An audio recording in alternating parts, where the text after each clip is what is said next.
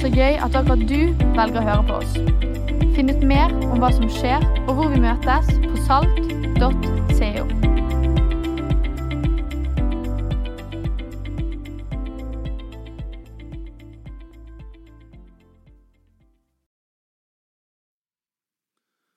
Så fint å se dere alle sammen. Det er en bra kveld i Forum i kveld.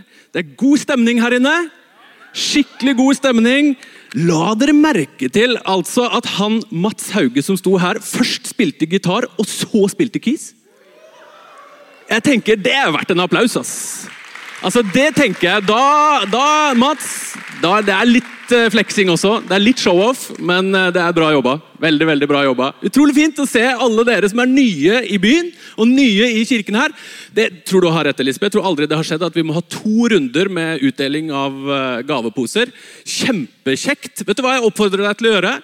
Uh, oppi den gaveposen, hvert fall for de fleste, så er det en sånt lite responskort. Hvis du tenker at liksom, ja, denne kirken her, den har jeg lyst til å hekte meg på, fyll ut det respons responskortet i kveld.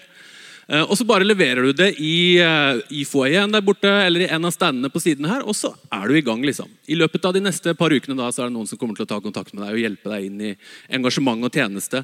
Syns du det er litt dårlig gjort da, å dramatisere liksom her oppe de av oss som eh, husk, ikke husker alle navnene på de vi har hilst på? Det ser faktisk er litt dårlig gjort, fordi at vet du hva som skjedde etter 11, Det skjedde også etter 11, på 11-gudstjenesten at hun gjorde det. Og etter den gudstjenesten hadde jeg akkurat en sånn situasjon. Og jeg liksom bare, Det var et menneske jeg hadde hilst på. Jeg burde huske navnet, men jeg huska ikke navnet. Eh, Så dere må ha nåde med oss, alle dere som er nye. For oss som hilser ved oss, som er pastor og ledere her, som hilser på veldig mange nye, eh, at vi ikke husker navnet alltid. Dere må ha nåde og tilgivelse med oss. Men jeg husker, jeg har hilst på Lasse, jeg har hilst på Johannes. Det er veldig bra. De er gode greier. Eh, og så må du huske at du har kommet til en by full av nåde og tilgivelse. Det skal ikke mer enn noen timer sol til før vi bare glemmer ukevis med regn. ikke sant? Det er et veldig nådefull og tilgivende by du har kommet til. Jeg håper du har hatt en bra sommer. Vi i familien Bekkevold vi har da gått til det drastiske skritt å kjøpe oss en båt. Yeah, yeah, yeah. Er det noen båtfolk her? Ja, folk, å, det er båtfolk overalt. Altså, Det er ikke noe luksusyacht vi har kjøpt oss. Eh, Men det er eh, en flott 25 år gammel Askeladden. 585. eh, Og den tøffer vi ut på i Nordåsen og ut i havet. ikke sant? Eh, Og det er veldig bra. Problemet er jo bare at verken fruen eller jeg kommer fra noen sånn båtfamilier. da, er veldig vant til båt, Så jeg, har, jeg starter liksom helt fra scratch. Først og fremst i møte med de som sitter på, om å bygge opp tilliten da, på at dette faktisk kommer til å gå bra. liksom. Eh, At eh, undertegnede styrer den båten. Men du vet, det ligger en viking i blodet her. ikke sant? Det hører egentlig hjemme i baugen på et vikingskip. liksom, Å rope ut mot England der at vi skal ta dem. Så, så det har gått bra. Eh, Så langt. eh, Og, og folk blir trygge etter hvert. eh, Og jeg blir trygg etter hvert. Og båten blir trygg etter hvert. Og dette kommer til å gå fint. Det som er bra, da, det er jo at vi har masse sikkerhetsutstyr om bord på denne båten. Vi har brannslukningsapparat, f.eks. Det er jo veldig fint å ha hvis noe skulle skje. Og så har vi denne greia her. Og det er da altså sånn at jeg som styrer båten. Jeg skal da feste den ene siden her til her, og så skal den andre inn i tenningen på motoren. Eh, og, og, og det er da altså sånn at hvis jeg eh, Dette heter da en dødmannsknapp. Skikkelig oppmuntrende navn på en sånn ding som det der. Ikke sant? For Hvis jeg da av en eller annen grunn skulle dø, da, så stopper i hvert fall motoren. Ikke sant? Det er det som er poenget. da. Skikkelig oppmuntrende dødmannsknapp. liksom. Det er ikke en knapp engang. Det er en sånn greie som det der. Eh, og så, og så har vi rett og slett noe som man må ha på sjøen, og det er jo redningsvest. ikke sant? Eh, og skal komme tilbake til den der, Men når vi kler på oss den, alle sammen, så vet vi at ja, men selv om det skulle gå galt ute på sjøen, ja, så kommer det til å gå bra likevel. Og Nå vet ikke jeg åssen følelser du har i møte med eh, en ny høst. Det kan være mange følelser i møte med en høst med masse nytt også. Mange her som har kommet nytt i byen. Og alt er nytt. Mange følelser knytta til det. Kanskje har du hatt en bra sommer. Kanskje er du uthvilt, eh, har sett sola, kjenner at du har lada opp og er liksom skikkelig gira og skikkelig klar. Men kanskje er det helt annerledes. Kanskje er du full av uro. Kanskje er det ting som eh, ikke gikk sånn som det skulle i sommer eller på våren. Kanskje er det saker og ting i familien. Kanskje er det et krevende år på studiet du har foran deg. Eh, det er mange ting som kan skape uro og frykt for oss i møte med et nytt semester. Og jeg har tenkt mange ganger det i møte med framtiden og det som kommer, at jeg skulle ønske jeg bare kunne trekke meg sakte, men sikkert inn i min egen komfortsone. Det er jo så behagelig å være i sin egen komfortsone. Om jeg bare kunne ligge liksom i den senga der med dyna over meg og bare ha alt som kan gå galt, på avstand, så er jeg trygg. Men så vet jeg jo det, at der, når jeg befinner meg midt i min komfortsone, der, der står det fryktelig stille. Der står ting veldig stille. Om jeg safer på alle bauger og kanter, om det er det jeg er opptatt av, å sikre meg her og sikre meg der, vet du hva? Ja, men da kan jeg ende opp og faktisk bli ganske ensom. Og kanskje til og med ganske selvopptatt. Og Gud han er jo vår far, og som alle andre gode fedre så vet jo han det at liksom, hvis vi skal vokse og hvis vi skal utvikle oss og hvis vi skal modnes, ja, men da må vi faktisk utfordres til å ta steget litt ut av komfortsonen må vi faktisk våge å komme utpå. Og han trenger å hjelpe oss å komme utpå, som den gode far han er. Men ikke på en sånn hard og skremmende måte. Du vet, Min bestefar han var en bra type. Eh, men han hadde noen sider også som ikke var så fryktelig bra. Han hadde da mange barn, han hadde åtte gutter. Eh, og jeg vet ikke om det var sånn de gjorde det før i tiden, ja, men når de skulle lære å svømme, så tok han de bare nå skal vi lære å svømme, gutten min, og så heiv han ut i vannet. Ikke sant? Og så, Det de gikk jo faktisk greit, da, men de fleste, bortsett fra en av de som da hadde vannskrekk resten av livet. ikke sant? Men, men problem, det er ikke sånn Gud er, tror jeg. da. Han er ikke en sånn ære som bare hiver oss uti og bye bye, og hvis du drukner, så drukner du. liksom. Nei, Gud er annerledes, men Gud han, er, han vil ha deg utpå. På en kanskje litt mer sånn eventyrlysten måte. En litt mer leken måte, en litt mer kreativ måte. Jeg vet ikke om du har tenkt på Gud som eventyrlysten noen gang? Var, det var så gøy å høre bønneemnet. Det er et eventyr denne høsten her. For jeg tror at Gud han er eventyrlysten. Han ønsker å kalle oss utpå. Ikke for at vi skal bli skremt, men for at vi skal modnes og utvikle oss. Og så blir ikke han så lett skremt av de tingene som vi så lett blir skremt av. Og Vi skal til en fortelling i Bibelen, i Matteus evangelium, som sikkert mange kjenner og sikkert mange tenker er litt for fantastisk. da. Det er, Peter, nei, det er Jesus som, eh, som, går på vannet, og så inviterer han Peter også ut til å gå på vannet. Og, og Det er jo en ganske fantastisk fortelling. Men uansett om du tenker at dette faktisk skjedde sånn som det står Det gjør jeg. Jeg tenker at ja, det skjedde faktisk, det som står. Eh, og så kan det være i et rom som dette her, at det er, det er noen som tror mye, og det er noen som ikke tror så mye. Kanskje du tenker at ja, en sånn fortelling må vi kanskje tolke mer billedlig helt greit i kveld, men jeg håper at du uansett kan ta med deg noe fra denne kvelden her, og at du kan se på denne høsten her med tro på det som ligger foran. Og at du kan høre hva er det Gud inviterer deg til denne høsten. Og Tittelen min i dag det er 'Uredd inn i høsten'. Og på en måte så er det en slags sånn teaser på en serie som begynner neste søndag og varer fram til salgkonferansen, som vi har kalt Framtidstro. Framtidstro kommer vi til å snakke om fram til midten slash slutten av eh, september. Og jeg tror at framtidstro det er noe helt grunnleggende og essensielt for oss mennesker for at vi skal kunne leve og utvikle oss. Bare tenk på bitte små barn. Hvordan det faktisk er å lære seg å gå, f.eks. Hvilken, hvilken viljestyrke og hvilken indre drivkraft de må ha for å faktisk lære seg å gå, eller for å lære seg å svømme, eller for å lære seg å sykle. Altså, Har du tenkt over det? At eh, når du tar dine første skritt, så har du faktisk aldri gått før. Det er ingenting i din erfaring i ditt eget liv som skulle tilsi at dette går bra. Men allikevel finnes det en drivkraft inni deg som sier det at ja, men jeg har tro på at det går bra likevel. Så derfor så gjør jeg det. Den drivkraften der den er noe av det viktigste for å leve og utvikle oss. Jeg husker, hvordan, jeg husker ikke hvordan det var å lære å gå, men jeg husker hvordan det var å lære å svømme. Da var vi, Jeg var kanskje sånn fire-fem år, og, og, og, vi var med familien på Lambertseter bad i Oslo. Pleide vi å gå der. Eh, og Det var på grunna der, sånn at jeg bare kunne sette beina ned hvis jeg ble litt sånn utrygg. Og pappa han holdt meg jo under magen, ikke sant? sånn som man lærer barn å svømme. Eh, og så på et eller annet tidspunkt så slapp han sånn sakte og pent. Og så klarte jeg det. Men han måtte slippe taket.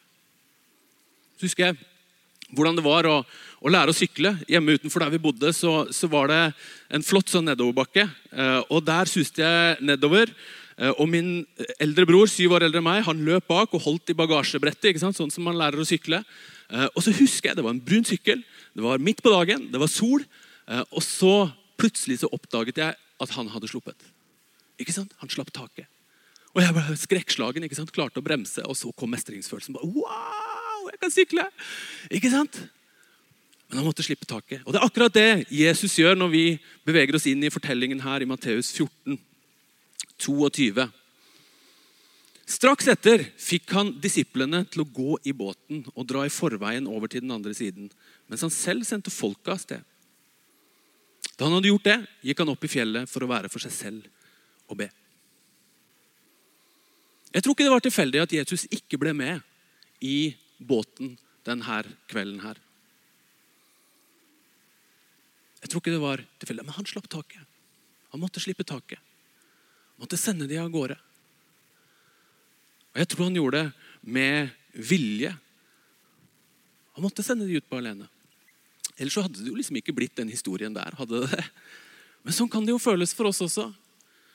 Når vi kommer utpå, vi kjenner at det butter litt imot, og vi kjenner at eh, oi, nå ble det litt mye stormer her, så er det jo den følelsen som kommer. er det ikke det? Åh, Gud, hvor er du? Føler meg så alene. Kanskje det til og med var Gud som liksom hadde sagt til deg i første omgang, eller, eller utfordra deg første omgang til å gjøre det og det, eller til å ta den og den tjenesten, og så bare gikk det ikke bra i det hele tatt. Hvor er du, Gud? Sånn kan det føles. Men vet du hva? jeg tror ikke vi er så alene som det kan føles mange ganger. Jeg tror at Jesus, når han sender de ut alene, så går han opp i fjellet, men så følger han ganske nøye med på hva som skjer der ute på sjøen. Han har en god oversikt. og Jeg liker jo å tenke at når han går i fjellet for å be, så er det nettopp for å be for de. Fordi han vet hva som er i ferd med å skje. Han ber for de. Og vet du hva, Jesus, om det er en ny tanke for deg, han ber for oss. Det leser vi i Skriften. Han ber for oss. Der han er, i himmelen, ved Faderens høyre hånd, så ber han for deg og meg. Du og jeg, vi er ikke aleine. Hva er det Gud vil ha deg ut på denne høsten? Hva er det han inviterer deg med ut på? Jeg elsker å høre om folk som våger å satse. Min eldre bror, en annen bror jeg har, han, eh, når jeg var 15 år, så starta han et eget selskap. Eh, og og Det var liksom grunnen egentlig til at jeg begynte å interessere meg for det å starte nye ting. og Jeg, startet, jeg også var med å starte et selskap når jeg var 18 år og jeg kom hit til Bergen for mange herrens år siden. Eh, så var det for å studere på Handelshøyskolen økonomi. For jeg hadde liksom lyst til å lære meg det. Da. Men det jeg oppdaga på Handelshøyskolen, det var jo at der lærer man jo egentlig om alle ting som kan gå galt når du skal starte for deg sjøl. Du lærer jo masse greier om ting som kan gå feil. Så det er egentlig veldig få, eller var i hvert fall da, veldig få som tok det studiet, som våget å starte et eller annet sjøl. Så det tenkte vi, da, vi er jo noen venner, vi tenkte at vi måtte gjøre noe med det. Eh, sånn at vi starta opp eh, en eh, studentforening der ute som heter Start NHH. Jeg tror det er der enda, jeg tror det er masse folk som er med der. Men da var poenget da, at vi skulle stimulere til entreprenørskap og gründervirksomhet. Og koble gründere og investorer og masse sånn. Kjempegøy. Uh, og, og uh, det har vært masse ting som har skjedd. Men jeg husker én ting. da. det var en telefon vi fikk, en mail vi fikk av en eldre herre. som hadde funnet opp noen greier hjemme i garasjen sin. og Så ønsket han å prate litt med en av oss for å se om ikke dette her kunne bli noe av. da. Og så Jeg tok praten med han i, i kantina der ute på studiet. og, og, og han, han, han, var sikkert, han var sikkert 85 år gammel. Eh, og kom, og så dro han opp av posen sin da. Eh, det som han hadde laget. og det var en, en, en, Jeg husker ikke hvordan det så ut, men det var rett og slett en ny form for dorullholder. liksom. Eh, som var jo, det var jo en utrolig interessant ting å tenke at dette kan bli noe gode greier ut av. Men, og jeg var så respektfull som jeg klarte, men jeg, jeg lærte en utrolig viktig ting den dagen. da. Og det var at selv om du er 85 år gammel, så trenger du ikke å bare se bakover. Du kan også ha framtidstro. Du kan være kreativ. Du kan skape noe som noen andre kan, kan liksom bli noe ut av. da. Og Jeg håper at jeg blir sånn når jeg blir gammel. Jeg håper at jeg ikke stopper å tenke at Gud kan gjøre nye ting. Og at det kan skje nye ting. Og nå, klart, nå er det ikke alle som skal starte nye bedrifter eh, eller starte nye kirker. for den saks skyld. Vi er jo en kirkeplantende kirke. Det er ikke alle som skal være med å starte nye kirker heller. Men det er mange ting Gud kan utfordre deg på. En av de mest skremmende tingene, som, som en fryktinngytende tingene som jeg har gjort, var å be hun som jeg er gift med i dag, ut på date. Det er jo seriøst er et av de største trosprosjektene jeg noen gang har hatt. Jeg hadde aldri hatt noen kjæreste før og visste ikke helt liksom, hvordan eh, ting skulle være. Og, og, og, det var ikke det at jeg var liksom redd for damer og jenter. og sånn. Det var helt greit å kunne spøke og le med alle. Men når det kom til henne, da, som jeg faktisk hadde skikkelig følelser for, så turte jeg jo nesten ikke å se på henne engang. Hun trodde jo ikke at jeg var interessert i henne. Kanskje er det noe sånt som Gud har for deg denne høsten her. Eller kanskje, kanskje det er på tide å våge å heve stemmen. I en tid hvor vi blir så lett fornærma, og vi er tilsvarende redd for å fornærme noen. Og si at det er noe som er sant her i livet, så lar vi oss stilne. En ung generasjon i dag som, som er redd for å fornærme noen, og som lar seg stilne. Men vet du hva, det trenger ikke å være sånn. Eller kanskje det kan være å stå opp og fortelle at du tror ikke om du fikk med deg at Da Justin Bieber var i Trondheim forrige helg Var det noen som fikk det med seg? Er det noen be believers her? Ja da, det er noen her nede. Én believer. Ja, det er bra. Justin Bieber Det er flere, sier du. Er det noen believers her? Ja, Det var noen flere som turte å vedkjenne seg. Det er nesten som å fortelle at du tror. ikke sant? Det at du liker Justin Bieber. Men han står da altså foran 40 000 hylende fans og så forteller han om hvordan, hva Jesus betyr for ham, og at Jesus elsker deg. Og så ber han en bønn om at de byrdene som folk måtte ha kommet inn med, at de skal bli løfta av. Og jeg tenker bare wow! Du kan mene hva du vil om Justin Bieber, liksom, og du kan mene hva du vil om, om musikken hans. Men det tar litt guts da, å gjøre det. Men men tenk deg for hva det betyr da, for den som er troende på den konserten. Hvilken frimodighet det gir for å faktisk kan, kanskje fortelle til sine venner at jeg tror. Det betyr noe at du forteller at du tror. Og Kanskje er det det som er utfordringen. Eller kanskje er det å ta på seg et ansvar der alle er redd for å stikke seg fram. Kanskje er det å risikere litt motvind. Vet du hva? Gud han vil ha oss ut av komfortsonen. Han vet at det er der vi kan vokse. Det er der vi kan modnes, at det er der vi kan få mestring. Men da må vi våge å konfrontere frykten vår.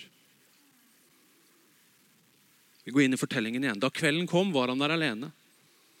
Båten var allerede langt fra land, og den kjempet seg fram i bølgene, for det var motvind.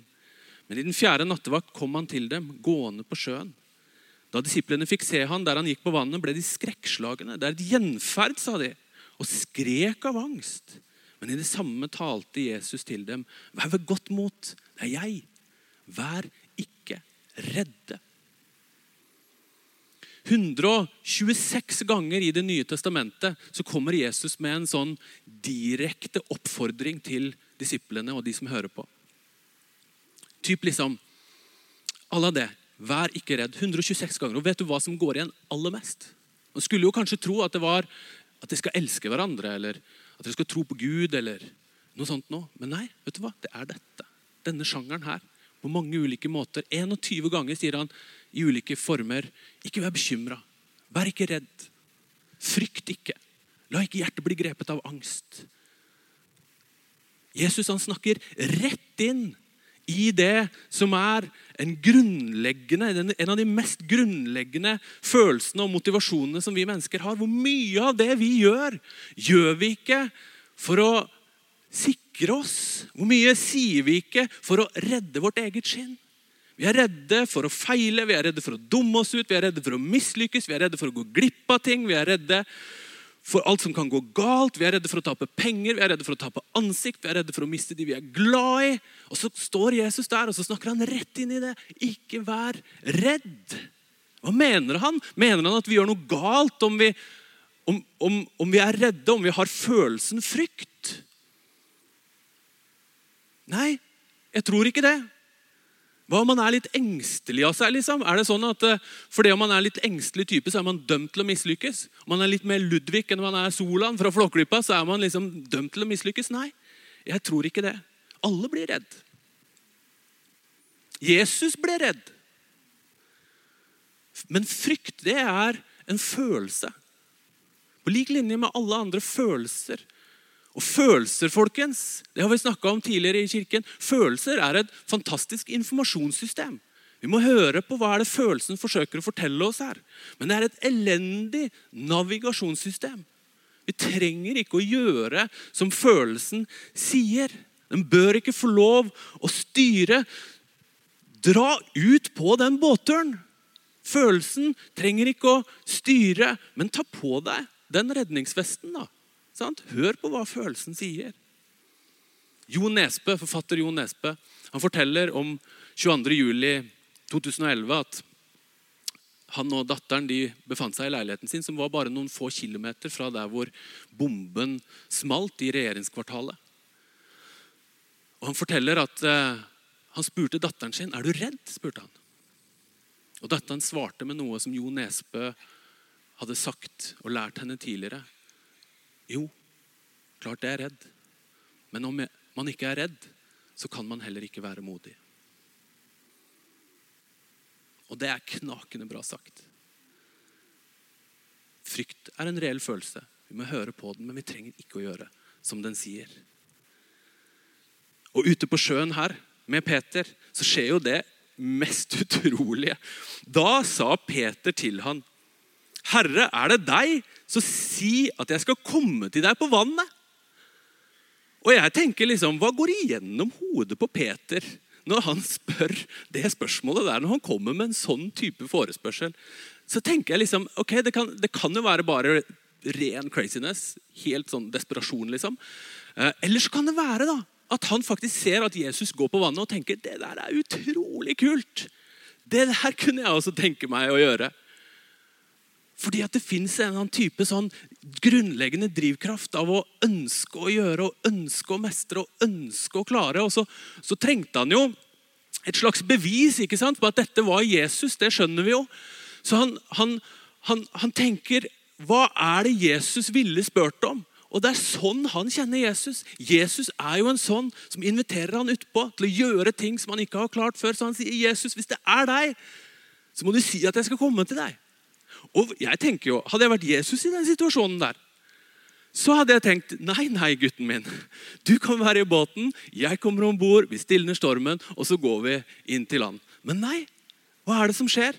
Kom, sier Jesus. Og Peter steg ut av båten og gikk på vannet bort til Jesus. Jesus er med på leken. Det er jo helt utrolig. Hva er dette om ikke eventyrlyst, liksom? det er jo utrolig lekent. Midt i stormen, midt i det som skjer, så er Jesus med på leken. Jeg vet ikke hva slags gudsbilde du har.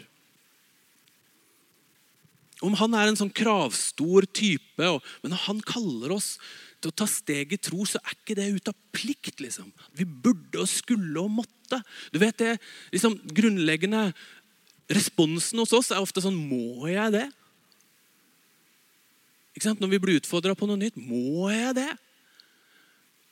Men jeg tenker, ingen må noen ting her. Men har du lyst? Som barn så, så lærer vi jo gjennom lek, ikke sant? Og jeg tror at som Guds barn også, så lærer vi gjennom leken. Du må ikke, men har du ikke lyst? Har du ikke lyst til å være med på det som Gud den allmektige inviterer deg med på? Har du ikke lyst til å å mestre. Ok, Det er mange ting som kan gå galt, men blir du med likevel? Ok, Det er mange stemmer som sier at dette her ikke skal gå, men blir du med likevel? Vi leser videre. Så skjer jo da det som ikke skal skje, ikke sant? Men da han så hvor hardt det blåste, så ble han redd. Han begynte å synke og ropte, 'Herre, berg meg!' Straks rakte Jesus hånden ut og grep fatt i han og sa, 'Du lite troende, hvorfor tvilte du?' Så steg de opp i båten, og vinden stilnet. Men de som var i båten, tilba han og sa, 'Du er i sannhet Guds sønn'. Det går jo ikke helt etter planen, det her. Og jeg tenker jo Det hadde vært bedre for Peter sitt rykte da, om dette her bare gikk etter planen. Kanskje vært bedre for min preken også, om dette bare var liksom noe som gikk etter planen. Uh, og, og, og, at det gikk sånn som Peter håpte. Uh, men han klarte det ikke. Burde han ikke holdt seg unna, da? Var det egentlig bare en leksjon fra Jesus i å ikke være dumdristig, Peter? Nei, jeg tror faktisk ikke det.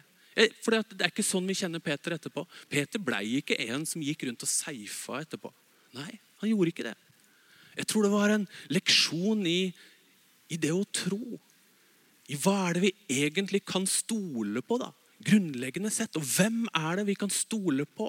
Hvem er det som er der uansett om det skulle gå galt eller ikke? Og jeg tror at Peter han får jo veldig bruk for den erfaringen der. Ikke minst når reisen med Jesus går mot slutten.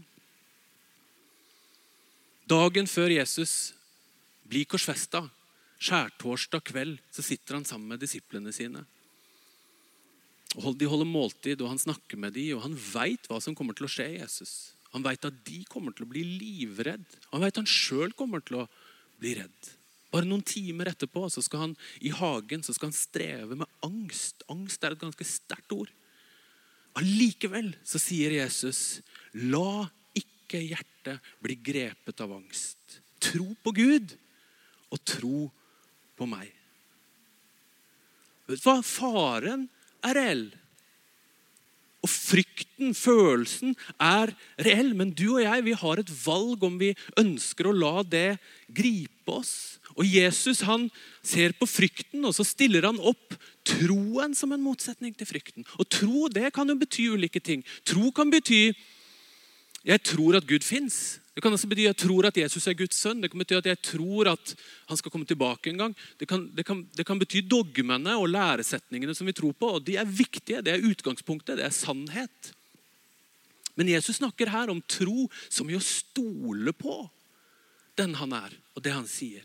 Du vet, Jeg kan tro at bussen går klokka tolv, men hvis ikke jeg går til busstoppet og handler på den troen, så blir jeg ikke med på den bussen. Og Det er det Jesus snakker om. Å stole på at han har kontroll. Å stole på han. Og Det er en tro som stoler på selv om ting kan gå galt. Selv om det er en risiko. Du vet, Når vi går ut i båten, så tar vi på oss denne her. Og når vi tar på oss denne her, det gjør vi alle sammen når vi skal ut i båten, så tar vi på denne her. Så vet vi det. At det, selv om ting skulle gå galt, selv om unge, lovende Bekkevold ikke skulle klare å mestre og styre den der båten, eh, og vi havner i sjøen, så går det bra likevel. Dette her syns jeg alltid er klønete. Den under der er, den, Jeg skjønner ikke hvorfor det skal være nødvendig. Det føles veldig rart. Men den bærer jo, selv om ting går galt. Og vet du hva? Det er faktisk sånn med denne vesten her. En sånn nymoten sak. Er, den, den, ser jo nesten ikke ut som en vest. ikke sant? Den ser jo nesten ut som en klesplagg. Men det er faktisk sånn med denne vesten her at, eh, at når den kommer i kontakt med vann, så blåser den seg opp. Og vet du hva? Det er min erfaring med troen også.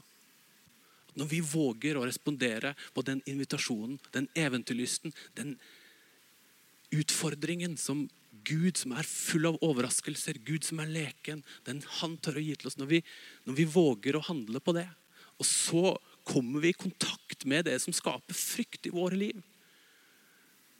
For det gjør vi. Det Peter han, han, han synker jo. Han kommer i kontakt med vannet som han frykter. Og det gjør vi jo. Men da, når den kommer i kontakt, så blåser troen seg opp. Da vokser troen seg større. Og så kan vi erfare det. At det, ja, men, troen er det som bærer. Uansett om det skulle gå opp, eller uansett om det skulle gå ned. Det er faktisk ikke farlig å feile, folkens. Det er ikke farlig å være redd heller. Skulle, skulle liksom ikke tro det, men det er ikke farlig å feile. Jeg feiler hele tiden. Faktisk, noe av det jeg lærer mest av, er de gangene jeg har feila. Og vet du hva med Jesus? Det som er med Jesus, det er at han har en tendens til å ta våre nederlag og de tingene som vi føler at vi har feila på, og så gjøre det til noen av de viktigste gjennombruddene i livene våre. Ser vi gang på gang. Når han sjøl ser ut som han har feila, når alle disiplene tror at ja, men nå er jo dette ferdig, nå er det, nå er det over, det er da, når han henger på korset, at han vinner sin store seier. Denne historien om Peter er jo egentlig en historie om Peters tro som ikke går, men samtidig så blir det en historie om å bli redda. Om at han bærer gjennom alt.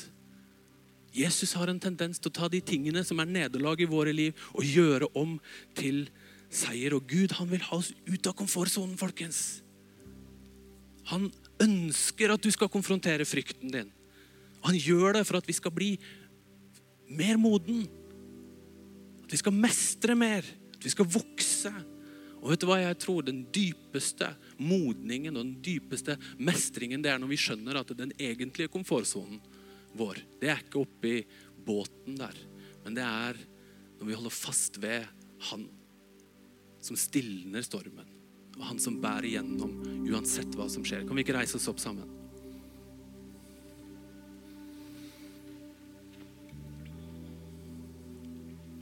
Har lyst til å invitere deg. Uredd inn i høsten er tittelen i dag. Så lyst til å invitere deg. Gud har så mye mer for oss. For deg. Enn det vi klarer å se og det vi klarer å forstå. Og så er jo han vår far i himmelen. Han, han ser jo mye mer. Akkurat som barn ser mye mindre enn foreldrene sine, så ser jo Gud så mye mer enn det vi ser. Det går det an å stole på. Og Jeg har lyst til å invitere deg til å spørre han, ja, men hva har du for meg. da? Hva har du for oss? Hva har du for min familie? Hva har du for oss denne høsten her? Kanskje, er, kanskje står det klinkende klart for deg. Kanskje kommer du ut av sommeren og inn i høsten med bare en veldig klar tanke om hva det, hva det som ligger foran deg. Det er utrolig kult. Og kanskje så er det en helt ny tanke for deg, dette her. Jeg inviterer deg. Kan ikke vi be sammen? Skal vi bruke litt tid her på slutten av gudstjenesten. Og skal vi, skal vi søke Gud sammen. Herre, jeg takker deg for at du Du, du blir ikke stressa av de tingene vi blir stressa over. Du er vår far i himmelen. Du har skapt himmel og jord. Du er kongenes konge, herrenes herre. Du har kontroll der vi ikke har kontroll. Og så er du en som vil oss vel. Du er for oss, du er ikke mot oss. Og Jeg takker deg, Herre, for at du har noe for hver eneste en her i dette rommet her denne høsten her. Takk for at du har et hjerte for hvordan vi kan utvikle oss. Takk for at du har et hjerte for hvordan vi kan vokse og modnes. Takker deg, Herre, og for at det ikke er noe kjipt, men for at det er noe bra. Herre, vi søker deg akkurat nå. Takk, Herre, for at du vil oss vel. Du er en Gud som er full av overraskelser. Overrask oss, Herre. Herre, vi søker deg. Vi søker deg. I Jesu.